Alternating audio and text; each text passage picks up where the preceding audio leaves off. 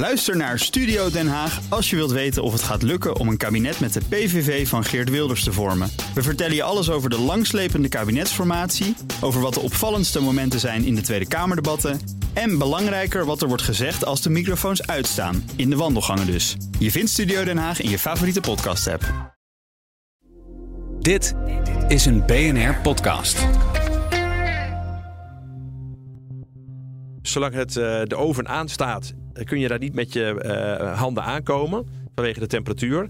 Maar op, dus op dat moment is het ook veilig, het platinum en rhodium. Veilig in de zin van dat het niet ontvreemd kan worden. Vanaf het moment dat de oven uitgaat, gaat de temperatuur naar beneden. En uh, ja, is het natuurlijk zaak dat je die edelmetalen veilig stelt. Ik heb helemaal geen idee van hoe groot de buit zou zijn. Gaat het hier echt over miljoenen of honderdduizenden ja, Ik kan het nu wel zeggen, want het is allemaal veilig gesteld en ergens op een locatie in Nederland uh, opgeslagen. Maar ik denk dat de waarde van, uh, van het platinum en rhodium wat in de fabriek zat, dat je dan over 15 tot 16 miljoen euro hebt. Niet elke ondernemersavontuur eindigt met een notering in de quote 500. Niet elk bedrijf overleeft een flinke crisis. Niet elke onderneming weet het financiële spel goed te spelen. En als alles misgaat, als de chaos regeert en schuldeisers aan de poort rammelen, dan breekt het tijdperk van de curator aan. In deze serie praten mijn collega Elisa Hermanides en ik, Thomas van Zel, over onvergetelijke faillissementen met de puinruimers van het bedrijfsleven. Dit is onder curatoren. En Elisa, het is de eerste aflevering van het nieuwe jaar, van een nieuw seizoen, het tweede seizoen. Zin in! Ja, ontzettend veel zin in. En uh, ja, ik heb er zoveel zin in al die nieuwe faillissementen, of eigenlijk vaak oude faillissementen, die we dit jaar allemaal weer gaan bespreken. Uh, we gaan dit jaar wel iets terug in frequentie. Voortaan is onder curatoren er één keer in de twee weken.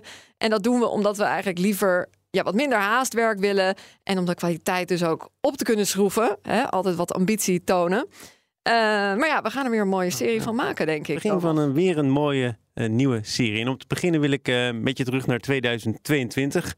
Toen de oorlog in Oekraïne zorgde voor enorme torenhoge energieprijzen. We hadden het toen in BNR Zaken doen regelmatig over wat dat toch zou kunnen betekenen voor energie-intensieve bedrijven, voor de energie-intensieve industrie. Zouden die bedrijven die pakken met energie nodig hebben voor hun productie het wel uit kunnen zingen? En ja, we hebben het hier wel nog altijd over een aflevering van onder curatoren, dus we kunnen het antwoord wel raden. Nee, natuurlijk kon dat niet. En ja, ik weet nog dat we toen ook een beetje zaten te wachten. Hè? Eh, wat gaat er omvallen? Dat is een beetje, nou toch als journalist ben je daar benieuwd naar. En toen had je natuurlijk eh, die aluminiumfabriek Aldel in Delfzijl. Dat was al een noodlijdend bedrijf. Uh, maar toen die energieprijzen gingen stijgen, toen was het niet meer te redden. En in oktober 2022 ging het ook failliet. 600 mensen verloren hun baan. Uh, maar ja, er zijn natuurlijk ook energie-intensieve bedrijven die het langer volhielden, die hele periode van hoge prijzen.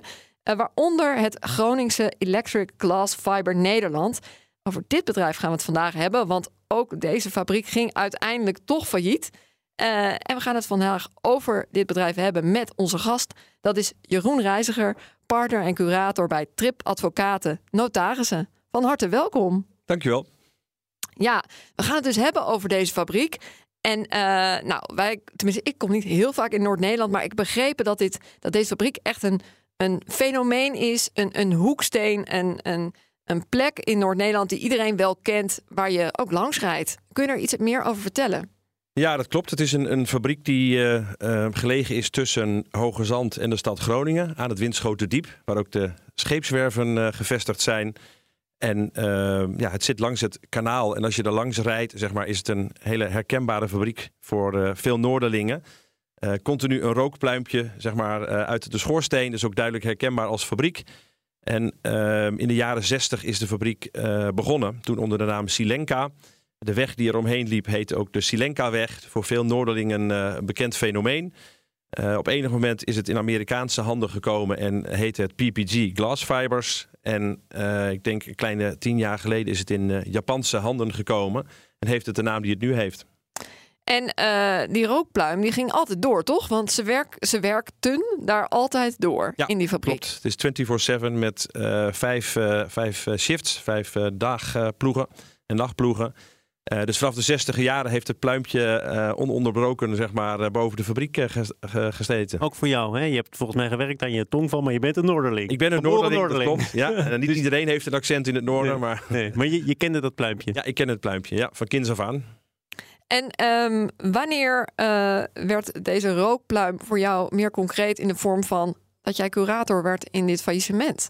Nou, dat is eind september vorig jaar geweest, dus 2023. Het faillissement is ook nog actueel, het speelt volop.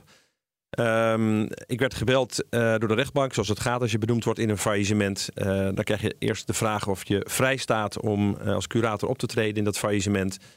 hier speelde dat ik een dag van tevoren, voordat het faillissement uitgesproken zou worden, door de rechtbank werd gebeld. Omdat de directie van de fabriek graag op voorhand overleg wilde hebben met de te benoemen curator. Vanwege een aantal aandachtspunten die het faillissement met zich meebracht. Dus je kreeg meteen al te maken met de bestuurder van Electric Glass Fiber Nederland eigenlijk. Ja, de dag voordat het faillissement uh, werd uitgesproken uh, heb ik met hem contact gehad. En dat was de heer Bakker? Dat klopt, ja. En, en wat had hij dan uh, jou te vertellen op dat moment? Nou ja, het, het, was een lopende fabriek, hè, dus de fabriek draaide gewoon. En ehm, het bijzondere van die fabriek is dat ja, er een glasoven in zit. Als die glasoven stil komt te liggen, dan stolt het glas in, in de fabriek, in de machines. En zijn die machines eigenlijk onbruikbaar. Hè, dat is onherstelbaar beschadigd. Dat was een belangrijk aandachtspunt. Dus dat we, uh, ja, uh, het van belang was dat we wel door zouden draaien.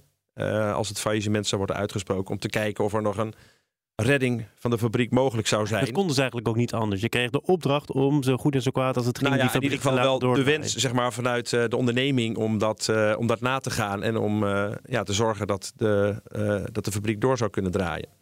En het tweede aandachtspunt was dat er in de fabriek veel edelmetalen zaten. Die hebben we inmiddels verwijderd.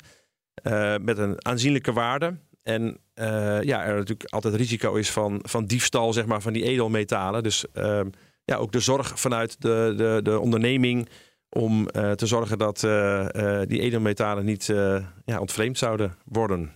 En een glasfabriek, maar volgens mij niet zomaar een glasfabriek. Wat, wat werd daar precies geproduceerd? Ja, daar, daar werden uh, ja, glasvezels geproduceerd voor onder andere de auto-industrie, bumpers van auto's. Uh, en het productieprocedé was dat er vanuit grondstoffen ja, vloeibaar glas werd gemaakt in een glasoven met een temperatuur van 1600 graden. Vanuit die glasoven werd het vloeibare glas naar spinnerijen gebracht. Daar ging het vloeibaar glas door ja, een soort douchekoppen, zeg maar. En die douchekoppen die heten bushings. En die bestaan uit edelmetaal, met name platinum en rhodium. En als ze dan door zo'n bushing gaan, dan ja, zijn het soort glasdraden, zeg maar. en als die afkoelen, dan stolt het weer en dat werd op een rol gedraaid. En die rol ging dan verder de fabriek in naar een chopafdeling waar het gechopt werd, zodat er glasvezelflakes ontstaan.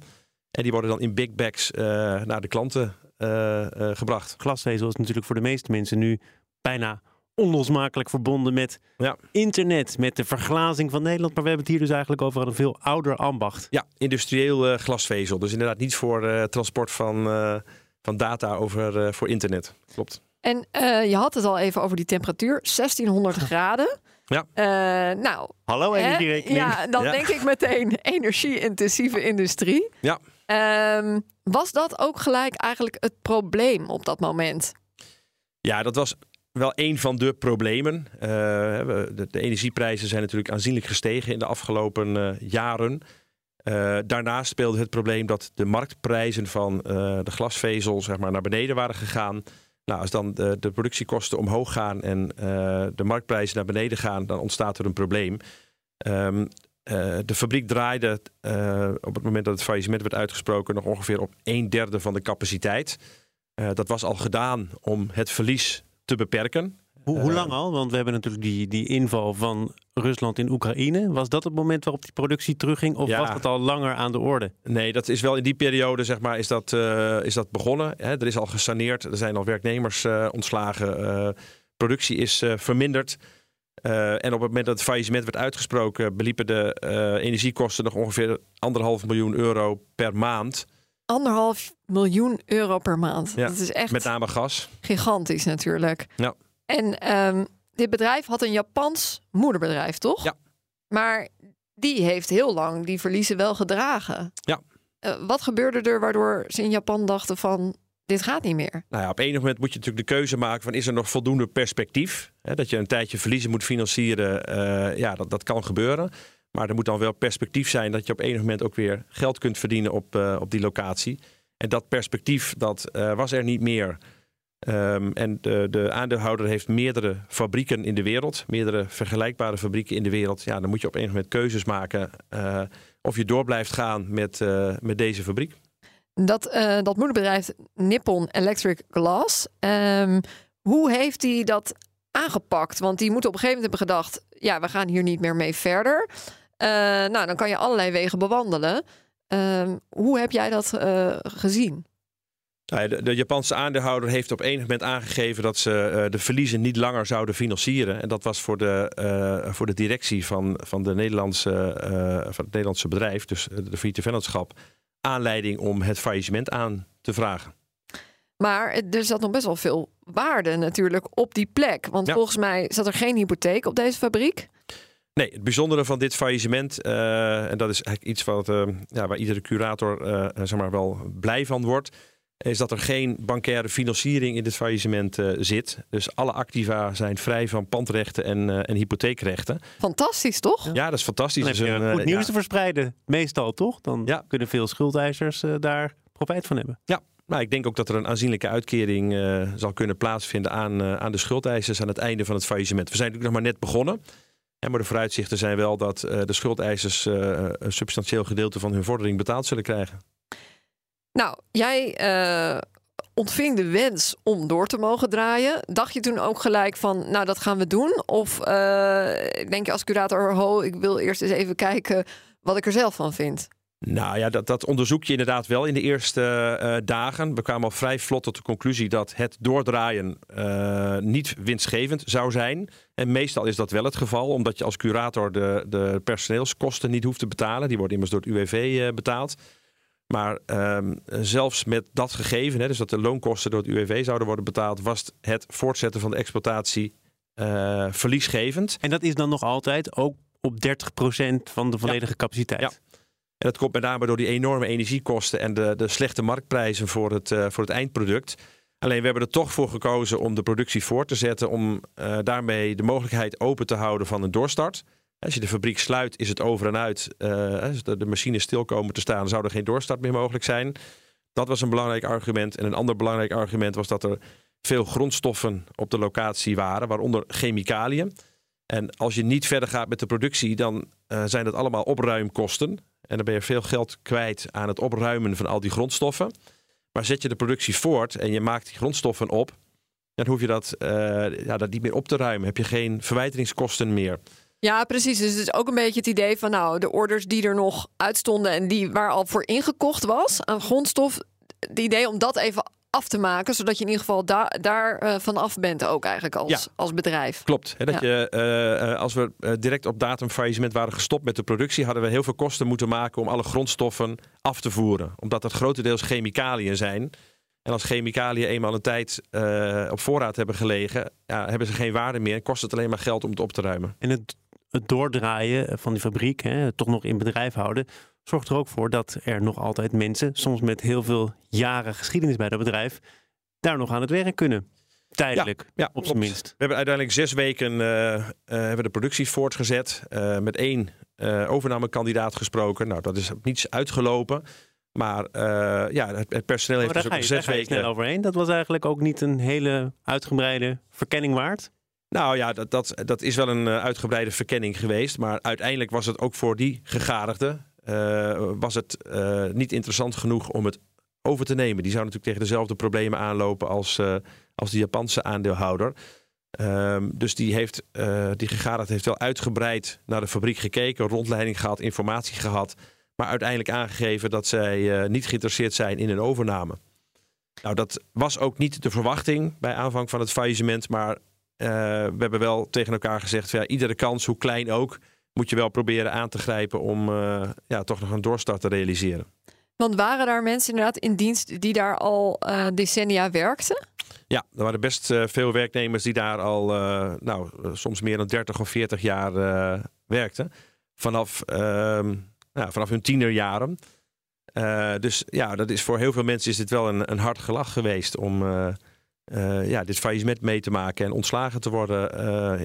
en voor sommigen ook in het zicht van van hun pensioen datum. En hoe heb je dat gedaan? Want er werd natuurlijk de hele tijd gewerkt in deze fabriek. Dus je kan niet één bijeenkomst uh, doen. Nee, dat klopt. Er werd, uh, wat ik uh, net al aangaf, in ploegen gewerkt. Dus toen het faillissement werd uitgesproken, heb ik ja, de, de, de, steeds bij de wisseling van de ploegen. Dat was om, om, om drie uur s middags, om elf uur s avonds en zeven uur s ochtends. ben ik op de fabriek geweest om de, de afgaande ploeg en de opkomende ploeg te informeren over het faillissement. En uit te leggen wat dat voor hun uh, als werknemer zou inhouden. En zagen ze het aankomen? Ja, de meesten zagen het wel aankomen. Het is, uh, iedereen weet natuurlijk wel dat die energieprijzen heel erg hoog zijn en dat de marktprijzen gedaald zijn. dus een, een complete verrassing was het niet.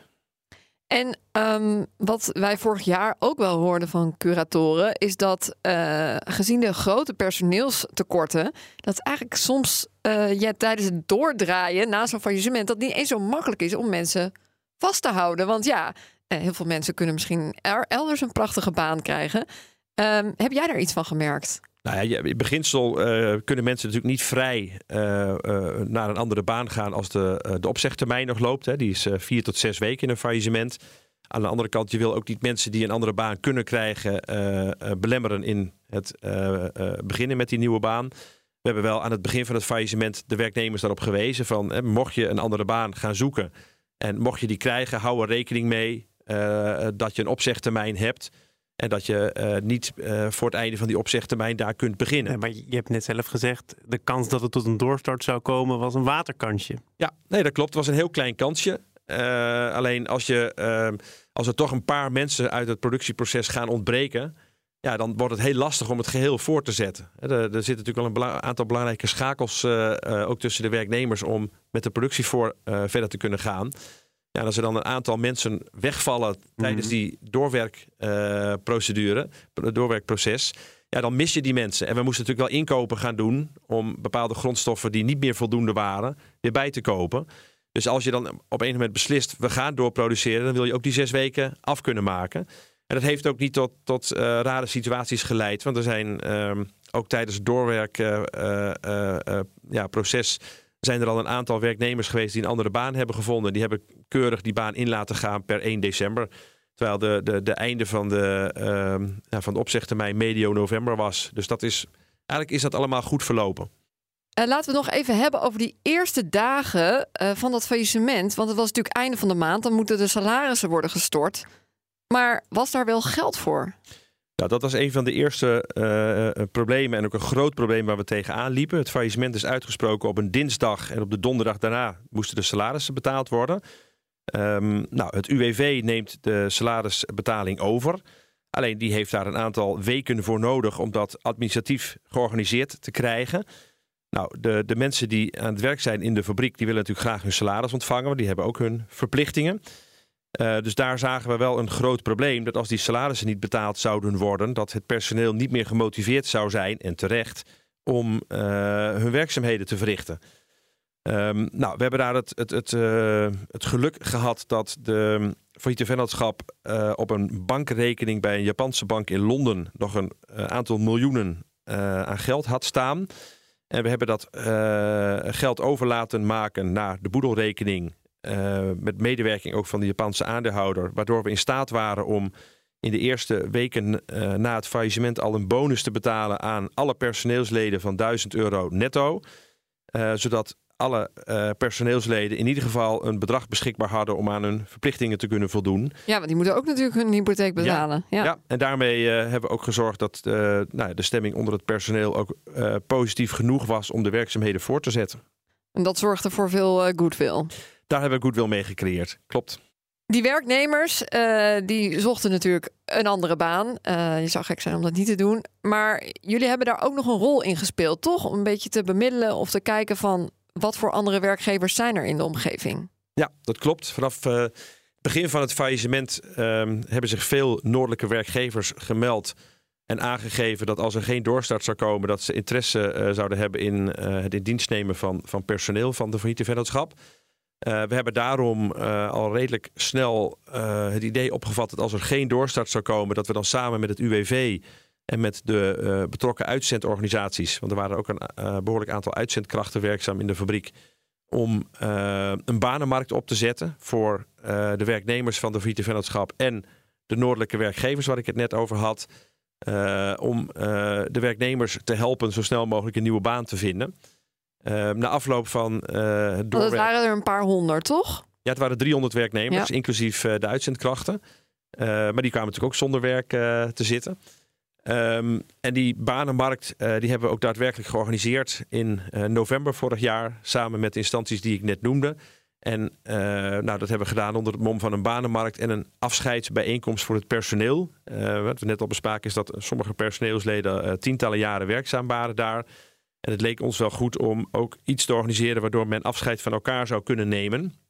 Ook omdat die werknemers elkaar niet uh, altijd frequent zagen vanwege de, uh, de ploegendiensten die uh, er waren. Nou, die banenmarkt die, ja, die is eigenlijk best wel succesvol verlopen. Ik denk dat alle werknemers daar wel zijn geweest. En tijdens de banenmarkt hebben ook een aantal werknemers een nieuwe baan gekregen. zowel op de dag zelf als in de dagen daarna. Maar dan ga ik heel even advocaat van de duivel spelen. En dan zeg ik, ja, ik ben een schuldeiser. En waarom moet er een banenmarkt georganiseerd worden? Kost dat dan niet te veel geld?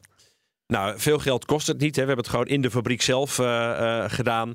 En uh, ja, uh, wat ik al aangaf, het is met name door het UWV en door die noordelijke werkgevers, zeg maar, is dat georganiseerd. en wij hebben het eigenlijk alleen maar gefaciliteerd. Dus de, de, kosten die daarmee gemoeid waren, die zijn nagenoeg nihil. En op dat moment stond die oven toen al uit? Ja, toen stond de oven uit. Want dat was het heikele punt. Dat was de reden dat jij al eerder werd gebeld. Op een gegeven moment, 1600 graden oven, die moest aan. En dan komt het moment, symbolisch moment ook bijna, dat je toch zegt: oké, tot hier en niet verder. Klopt. Ja, klopt. Dat is in het weekend uh, van 12 november uh, geweest dat de oven uitgegaan is. Nou, als de oven uitgaat, dan uh, 1600 graden is niet zomaar naar nul. Hè. Dat duurt een aantal weken voordat de temperatuur Weken? Uh, weken, ja. Zo. Voordat de temperatuur uh, uh, zeg maar richting ja, de kamertemperatuur is gegaan. maar ja, in dat weekend is inderdaad de oven uitgezet en is het rookpluimpje opgehouden.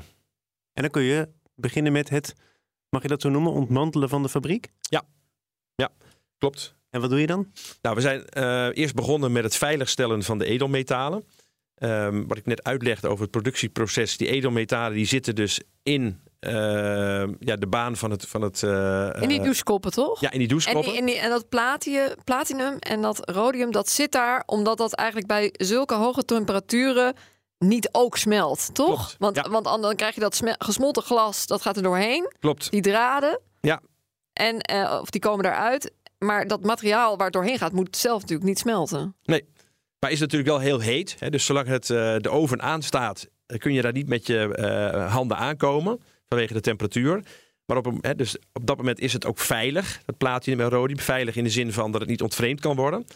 Uh, vanaf het moment dat de oven uitgaat, gaat de temperatuur naar beneden. En uh, ja, is het natuurlijk zaak dat je die edelmetalen veilig stelt. Ik heb helemaal geen idee van hoe groot de buit zou zijn. Gaat het hier echt over miljoenen of honderdduizend ja, Ik kan het nu wel zeggen, want het is allemaal veilig gesteld en ergens op een locatie in Nederland uh, opgeslagen.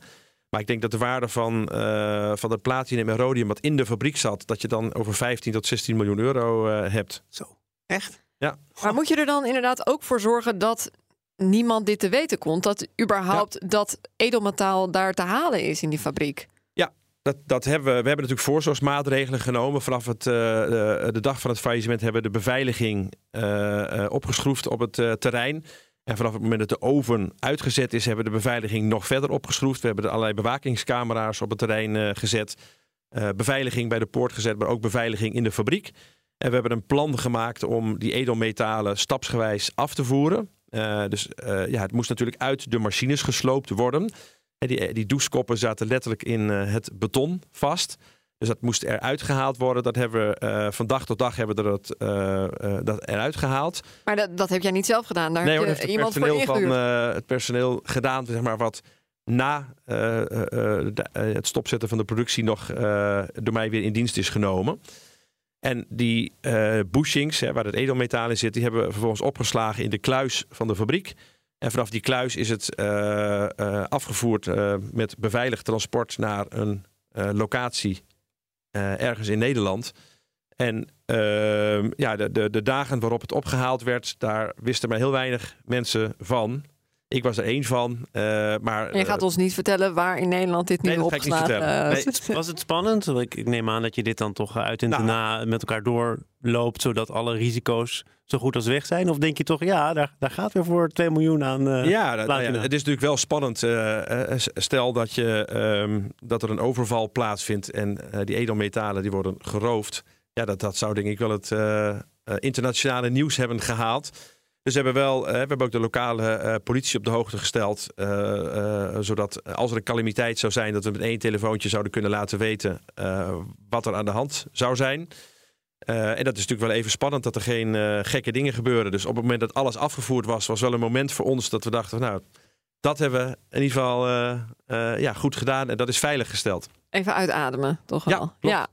Ehm, er is nog wel een belangrijke kwestie. Eh, de grootste schuldeiser in het faillissement, dat is natuurlijk het Japanse moederbedrijf. En die had ook edelmetaal beschikbaar gesteld aan het Nederlandse dochterbedrijf. En die wilde dat terug hebben. Ja, dat klopt. Dat ging middels een eh, lease-constructie. Daar zal ik niet al te diep op ingaan. Dat, eh, dat speelt ook nog. Ehm, eh, vooropgesteld dat de, de verhouding tussen de, mij en eh, de Japanse aandeelhouder heel erg goed is. We werken goed samen. Eh, dus alle voorraden die we nog geproduceerd hebben na datum faillissement, eh, daar hebben, eh, heeft het Japanse moederbedrijf mij geholpen om dat te verkopen aan de klanten van het concern. Eh, ook ten aanzien van de, van de edelmetalen hebben we eh, eh, ja, goed contact en goed overleg met elkaar. Ehm, mijn conclusie is dat naar Nederlands recht die edelmetalen in de boedel vallen. Eh, de Japanners ehm, ja, die vinden natuurlijk dat het aan hun afgegeven moet worden. Eh, omdat ja, het niet van de failliete vennootschap is. Het is van hun en het is beschikbaar gesteld. Nou, daar eh, ja, hebben we op een goede eh, eh, wijze met elkaar overleg over gehad. eh, en afspraken over gemaakt. waarbij ik ehm, de keuze heb gegeven aan de Japanse aandeelhouder. Om ofwel die edelmetalen terug te krijgen. maar dan zouden ze hun vordering moeten achterstellen in het faillissement. Eh, in dat geval zouden namelijk alle crediteuren eh, een uitkering van 100% kunnen krijgen. En zou dus geen enkele crediteur worden benadeeld als ik eh, de edelmetalen zou afgeven aan de Japanse Want aandeelhouder. even voor de goede orde, je had het net over een bedrag van tussen de 15 en de 16 Ja. miljoen, als ik dat allemaal goed Klopt. heb onthouden. Dat is dus eigenlijk allemaal ter beschikking gesteld door Nippon of deels? Nee, dat is eh, deels beschikbaar gesteld door Nippon. Dat gaat om het platinum. Het rhodium is eigendom van de Failliete Vennootschap. Dus het platinum, eh, daar heb ik eh, aan de Daar gaat de discussie over. Ja, daar heb ik inderdaad voorgesteld aan de Japanners om dat terug te geven aan hun. En dan zouden ze hun vordering moeten achterstellen ten opzichte van de andere crediteuren. Om hoeveel miljoen gaat het dan? Want ik geloof in totaal is er een vordering van het Japanse moederbedrijf van 80 miljoen. En hoeveel van die 80 miljoen betreft dan dit edelmetaal? Nou, dat betreft ongeveer 10 miljoen. Dat is de waarde van het platinum. Ehm, en dat, eh, nou, daar heb ik met de Japanners eh, eh, overleg over gehad. Eh, en zij zelf stellen zich op het standpunt dat het aan hun eh, toebehoort. Ehm, mijn standpunt is dat het in de boedel van het faillissement valt. We hebben daar ja, op een praktische wijze met elkaar over gesproken. En ik heb de Japanners een keuzemogelijkheid gegeven om ofwel het platinum terug te krijgen. Alhoewel dat naar mijn idee niet meer eh, van hun is. En dan zouden ze hun vordering eh, moeten achterstellen, dus het restant van hun vordering, op de overige crediteuren. Dat betekent, en die achterstelling betekent dat de overige crediteuren eerst betaald krijgen en daarna pas de Japanners. In dat geval zouden de overige crediteuren 100% uitgekeerd krijgen op hun vordering. En zou dus ook niemand benadeeld worden door het teruggeven van dat platinum aan de Japanners. Alhoewel ze daar, naar mijn mening, dus geen recht op hebben. Maar dat zou op zich wel een mooie deal zijn. Ja, dat zou voor de Japanners het voordeel hebben dat ze eh, al vrij vlot 10 miljoen van hun vordering terugkrijgen. Maar het nadeel voor de Japanners zou zijn dat ze eh, de totale uitkering lager is dan eh, wanneer ze aan het eind van het faillissement hun vordering eh, betaald krijgen als ze de vordering niet achterstellen. bijna psychologisch. Wil je het nu of wil je het later? En Exact. van het bedrag, hè? daar Ja. hebben wij als mensen bijna iedere dag mee te maken. Ja, nou, dat is heel plat gezegd. Is dat de keuze? Wil je nu al een stukje van je vordering betaald hebben, maar dan krijg je in de totaliteit krijg je minder. Ja. Of wil je wachten tot het eind van het faillissement en dan krijg je wat meer. Dus daar hebben we dat, de hele discussie heel praktisch gemaakt. Maar mag ik toch nog even vragen? Want jij zegt wat mij betreft, als ik er naar kijk, hebben ze er geen recht op. Je kunt toch in je contracten vastleggen. Luister, eh, best Gronings dochterbedrijf van ons. Je mag van ons eh, dat platinum gebruiken. Met een waarde van 10 miljoen. Maar het blijft van ons. Of dat zet je niet op papier. Ja, nou dan kom je op een, uh, dan ga je echt uh, de diepte in, zeg maar, qua uh, juridische vraagstukken. Ehm, de conclusie die wij hebben getrokken is dat ehm, de bushings, zeg maar, onderdeel zijn geworden van de fabriek. een bestanddeel zijn geworden van de fabriek. En dan is het, zeg maar, geen, kan het geen eigendom meer zijn van een derde. Vergelijk het met een, een, een achteruitkijkspiegel, zeg maar een auto. Zolang die niet in de auto zit, is het een losse spiegel. En kan het nog van iemand anders zijn? Uh, zit hij in de auto gemonteerd? Ja, dan is het onderdeel van de auto geworden en is het eigendom geworden van degene die de auto bereidt. Wat heeft uh, Japan uiteindelijk gedaan? Nou, we zijn nog met elkaar uh, daarover in gesprek. Maar wat de Japanners nu hebben aangegeven is dat ze ehm, zich erbij neerleggen dat het platinum in de faillissementsboedel blijft. En dat zij het einde van het faillissement afwachten om uh, ja, hun, hun vordering deels betaald te krijgen. Dus ze kiezen voor de lange adem eigenlijk? Ja, ze kiezen voor de lange adem. en dat betekent ook dat, dat, nou, dat ze aan het einde van het faillissement ook nog een substantieel gedeelte van hun vordering betaald zullen krijgen. en de schatting die we nu hebben, is dat we in de boedel ehm, ongeveer een actief zullen krijgen van 40 tot 50 miljoen euro. En dat er ongeveer 40% zal worden uh, uitbetaald aan de concurrente crediteuren. En waar de Japanners ook onder vallen. Dus dan krijgen ze toch nog een aanzienlijk gedeelte van hun vordering uh, betaald. En um, we hadden het net al over het ontmantelen en dat edelmetaal. Hoe ga je verder deze boedel helemaal verder veilen, verkopen? Ja, nou, we zitten nu op dit moment uh, in de fase dat uh, de productie is gestaakt. De edelmetalen zijn afgevoerd. Um, we, hebben, uh, we verwachten in de loop van deze maand offertes te ontvangen voor het slopen van de ovens die in de fabriek zitten. Dat is vrij specialistisch werk. Um, en dus er is zijn... wereldwijd geen belangstelling voor ovens die dit soort temperaturen aankunnen, die dit soort processen mogelijk maken? Ja, maar een oven is niet iets wat je eruit kan halen, kan verschepen en ergens anders weer kan opbouwen. Ik, ik blijf een leek, ondanks het gesprek ja. dat we al een half uur voeren. Mijn excuus, ik dacht, nou, dat, dat kan iets zijn waar andere bedrijven interesse in hebben. Ja, nou, je moet je voorstellen dat uh, de, de oven uh, is, is zodanig groot dat dat, uh, ja, dat is een paar huiskamers groot, zeg maar, zo'n oven. En dat is opgebouwd met ovenstenen. Uh, die op elkaar liggen. Dus als je de, de oven sloopt, zeg maar, dan heb je losse ovenstenen. Je hebt alle apparatuur rondom de oven. Maar het is dus niet één, één ding wat je uit een fabriek kan halen en wat je vervolgens ergens anders weer neer kan zetten. Uh, dus dat is vrij uh, specialistisch werk om zo'n oven te slopen. Vandaar dat wij ook bedrijven hebben benaderd die gespecialiseerd zijn in het bouwen en slopen van ovens. Uh, zodra dat klaar is, um, ja, gaan we kijken wat we met de rest van het terrein gaan doen. En als ik dat even dat heel... is een groot terrein, toch? Ja, dat is heel met, groot met terrein. allerlei, denk ik, vergunningen, uh, dingen die je daar ook mag doen ja. van de overheid. Dus dat lijkt me nog vrij waardevol, want er zat geen hypotheek op. Nee, er zit geen hypotheek op. Het is een uh, terrein met... Uh, Hoe groot is het ongeveer? Volgens mij is het rond de 22 hectare. Oké. Okay. Um, en er zit inderdaad een zware energieaansluiting op. Nou, dat is interessant in de tijden waarin we nu leven. En er zitten zware vergunningen op voor zware industrie. Alleen uh, de industrie die er nu zit, uh, die, zal, die, is, die houdt op te bestaan. Dus we zijn uh, nu aan het kijken om een gedeelte van de panden te laten staan. Dus met name de kantoorgedeeltes en de opslagloodsen. En het industrieel gedeelte van, van de opstallen te gaan slopen. Die zijn oud en die waren heel specifiek voor het productieproces van, van de Friete Vennootschap. Um, en het terrein, zeg maar, dan uh, ja, redelijk opgeruimd, geschoond en zonder vraagtekens te verkopen. Nou ja, geschoond, want die vergunningen, dat geeft aan dat er van alles mag. Maar ook dat er dus waarschijnlijk sprake is van vervuilde grond. Ja, dat, ik denk dat dat meevalt, maar dat is iets wat we ook gaan onderzoeken.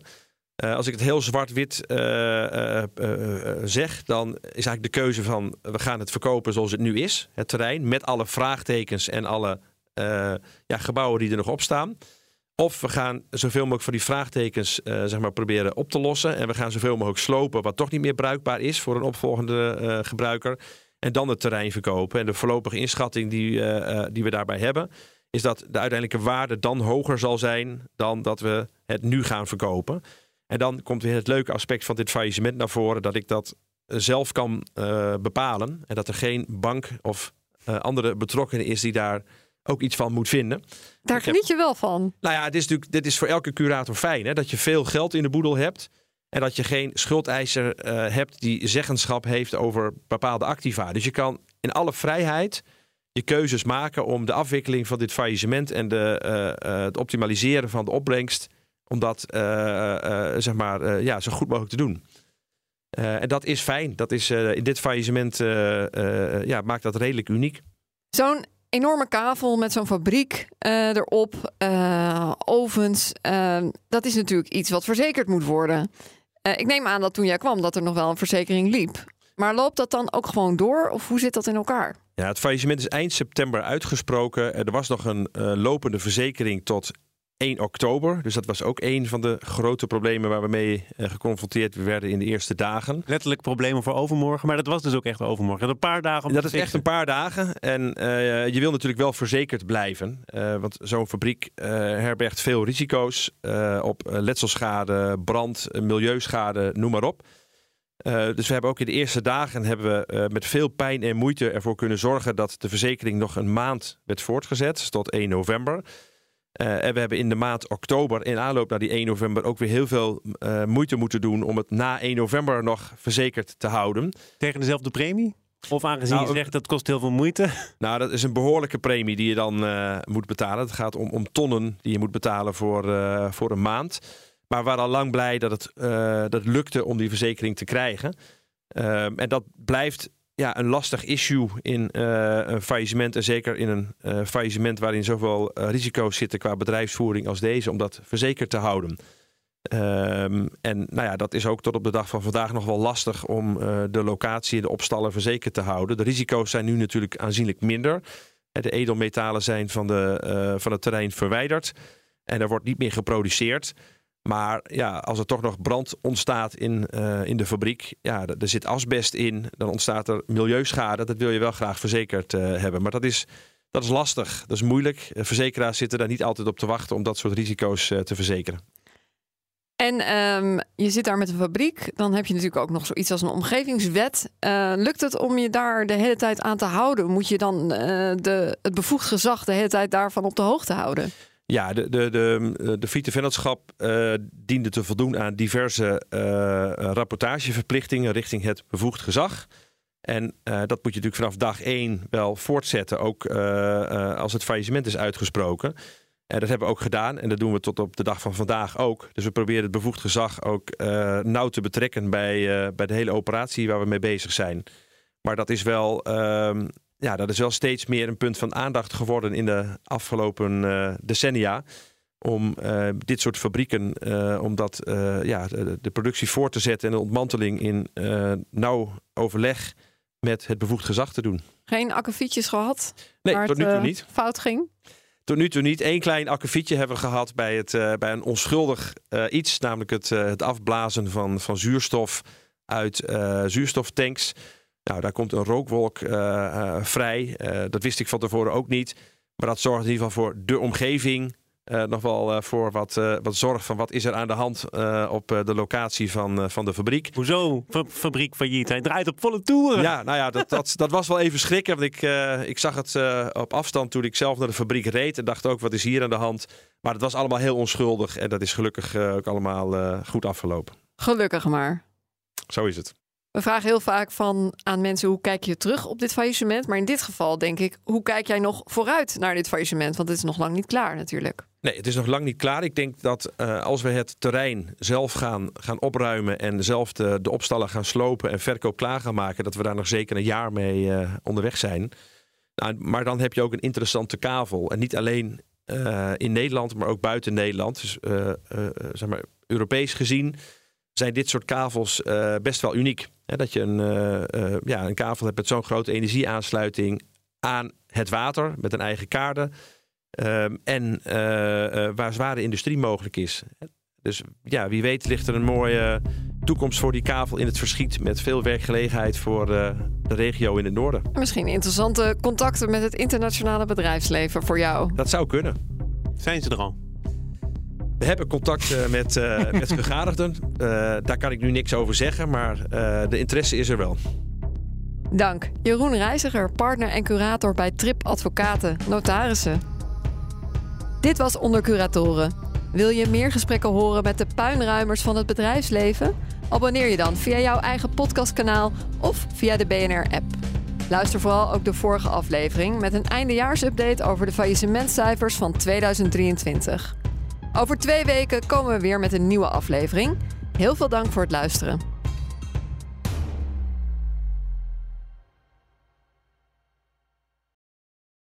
Ook Hugo Reitsma vind je in de BNR-app. Superhandig die BNR-app. Je kunt alle programma's live luisteren, breaking nieuwsmeldingen.